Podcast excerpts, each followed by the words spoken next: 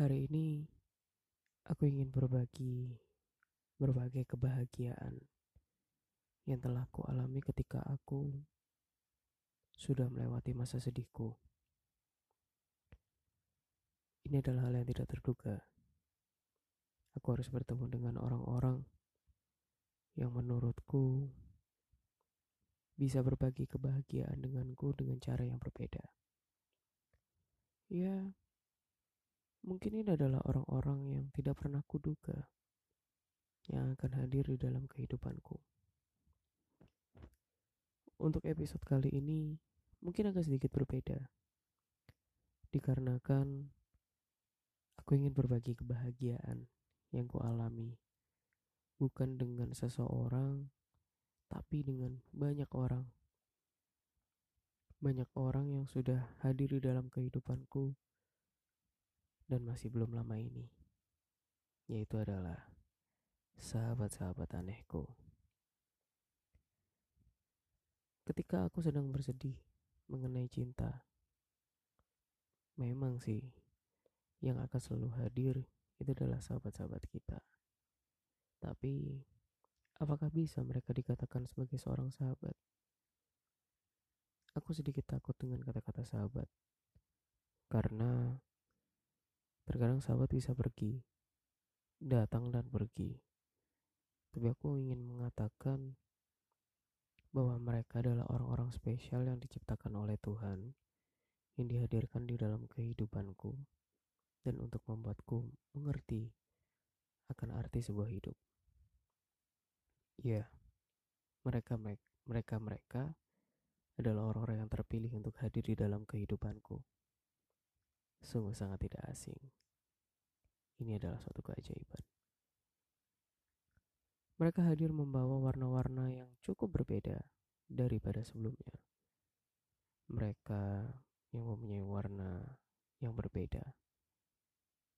Tidak ada yang sama. Mereka memberikan arti di dalam hidupku dan membuat warna baru di kehidupanku. Mungkin dulu aku adalah seorang yang bodoh, yang selalu berbicara tentang cinta, yang tidak bisa berdiri tanpa cinta. Itulah aku. Tapi ketika aku bertemu dengan mereka, mereka mengajarkan akan tentang hidup dan membuatku flashback sedikit tentang kehidupan yang telah kualami. Dan ternyata semua itu berhubungan. Salah, salah satu contohnya adalah seperti ini. Ketika aku putus cinta dengan yang namanya cinta, aku selalu kembali kepada teman-temanku. Dulu. Dan aku tidak pernah mendapatkan suatu hal pelajaran untuk kuterapkan ke dalam duniaku yang berikutnya. Mungkin aku hanya jalan di tempat, tapi aku tidak melangkah ke depan, karena aku akan mengulangi hal-hal yang sama tanpa aku mengintrospeksi apa yang telah aku alami di kehidupanku sebelumnya. Ya, bukan berarti aku menilai teman-temanku yang lama itu buruk, tidak sama sekali.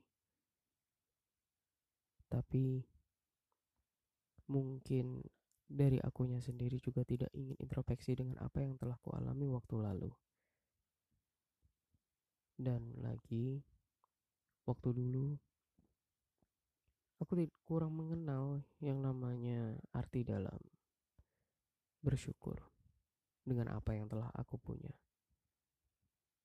Mereka mengajarkanku bagaimana caranya kita untuk bersyukur dan menikmati hidup. Mungkin dulu aku berpikir yang namanya bahagia itu harus ada seseorang di dalam hidup kita. Tapi ternyata tidak. Bahagia itu bisa datang di dalam diri kita sendiri. Ketika kita berbagi kebahagiaan dengan orang lain, seperti keluarga, teman, itu sudah seperti kita membahagiakan diri kita sendiri. Ketika kita berbagi kebahagiaan kepada mereka, Ternyata bahagia datangnya bukan dari seseorang, tapi dari banyak orang. Dan ketika kita bisa berbagi kebahagiaan kepada orang lain, di situ pula kita bisa mendapatkan kebahagiaan itu sendiri. Sebegitu simpel sebenarnya, tapi tidak pernah aku sadari dari dulu, dan aku baru menyadarinya. Kembali lagi berbicara tentang bersyukur. Ya, aku adalah seseorang yang selalu mengejar keduniaan dulu. Aku suka uang, aku suka kemewahan, aku tidak ingin susah. Itulah aku. Dari semua itu, aku bisa mendapatkannya dengan tanganku. Ibaratnya adalah aku bisa memeluk dunia dengan tanganku. Iya, aku se-selfish itu ternyata. Dan ternyata dari semua itu Tuhan murka. Ketika aku sudah mempunyai semua, seperti uang, kekayaan, kebahagiaan yang kudapatkan dari orang lain, ternyata dari situ pula aku melupakan keluargaku. Aku melupakan semuanya. Aku mencari kebahagiaanku sendiri tanpa aku berbagi kebahagiaanku dengan orang-orang terdekatku. Dan itu membuat Tuhan murka. Apa yang membuat Tuhan murka? Membuatku semakin terjatuh dan makin terjatuh. Kebahagiaanku itu semata-mata bukan sesuatu hal yang bisa kudapatkan memang benar-benar bahagia. Kebahagiaanku hanyalah sesaat Aku telah merebut kebahagiaan orang lain dengan menjadikan kebahagiaan orang lain menjadi kebahagiaanku. Dan dari situ menciptakan aku menjadi seseorang yang selfish. Dan di situ menjadikanku adalah seseorang yang sangatlah egois demi untuk mencapai kebahagiaanku sendiri. Itu keduniaan sekali.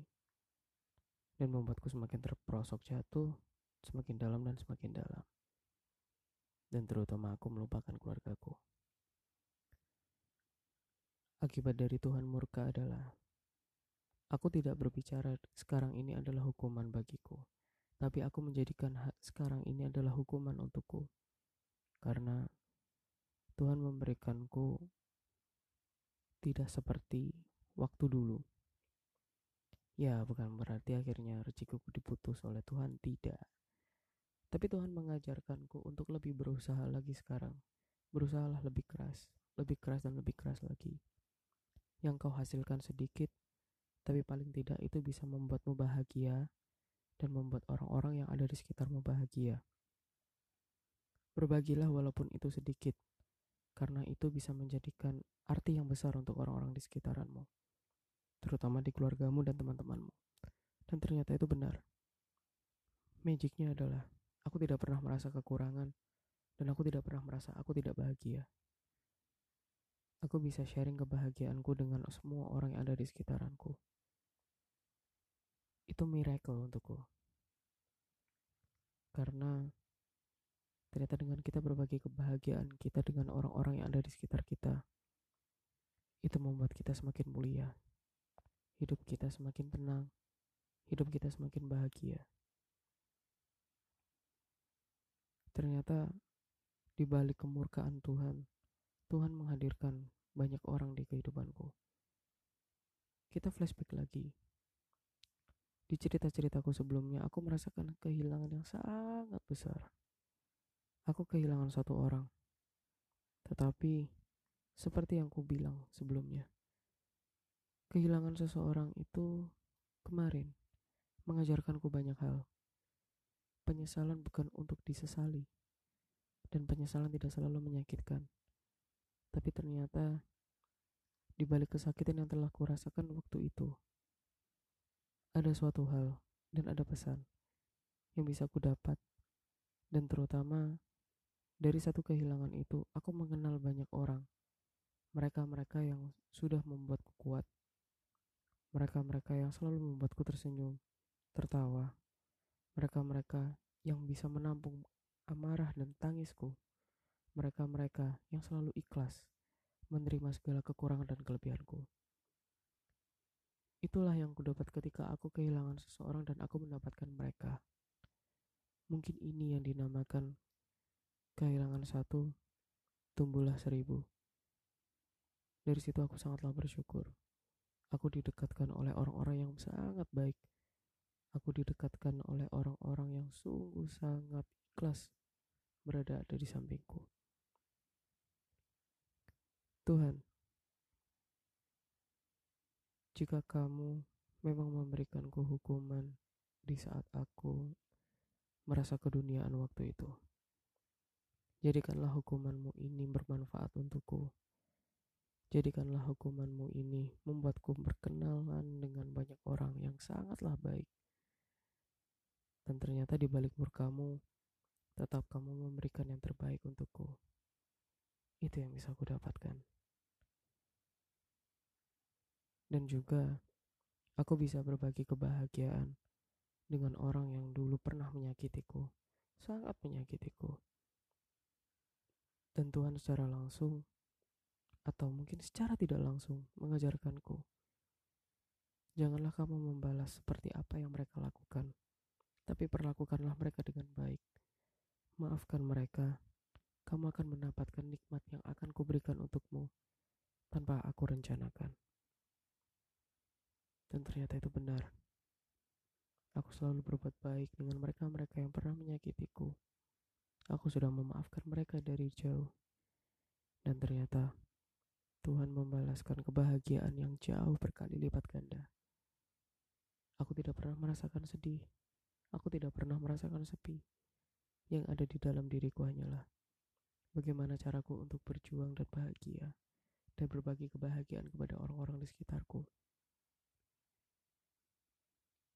Kenapa aku membahas soal mereka yang ada di sampingku? Karena satu kali 24 jamku, tujuh kali 24 jamku, 30 atau 31 24 jamku. Dan 365 hari 24 jamku. Aku akan bersama mereka. Mereka mengajarkanku banyak hal. Sungguh banyak. Kita sama-sama mengalami banyak hal. Atau mungkin kita di waktu lalu juga pernah mempunyai pengalaman yang sama.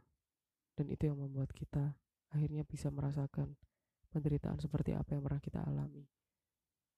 Dan maka dari itu, kita tidak bisa saling menyakiti.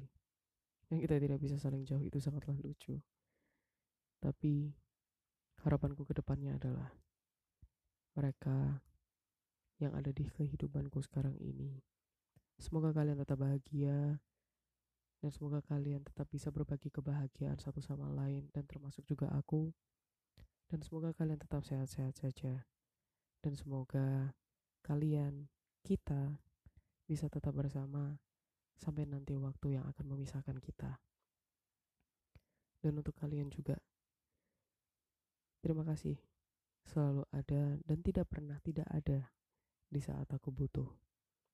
Dan terima kasih banyak pula kalian sudah menjadi makhluk-makhluk yang paling mengembaskan kalian sudah menjadi makhluk yang selalu ada di saat dibutuhkan ataupun tidak.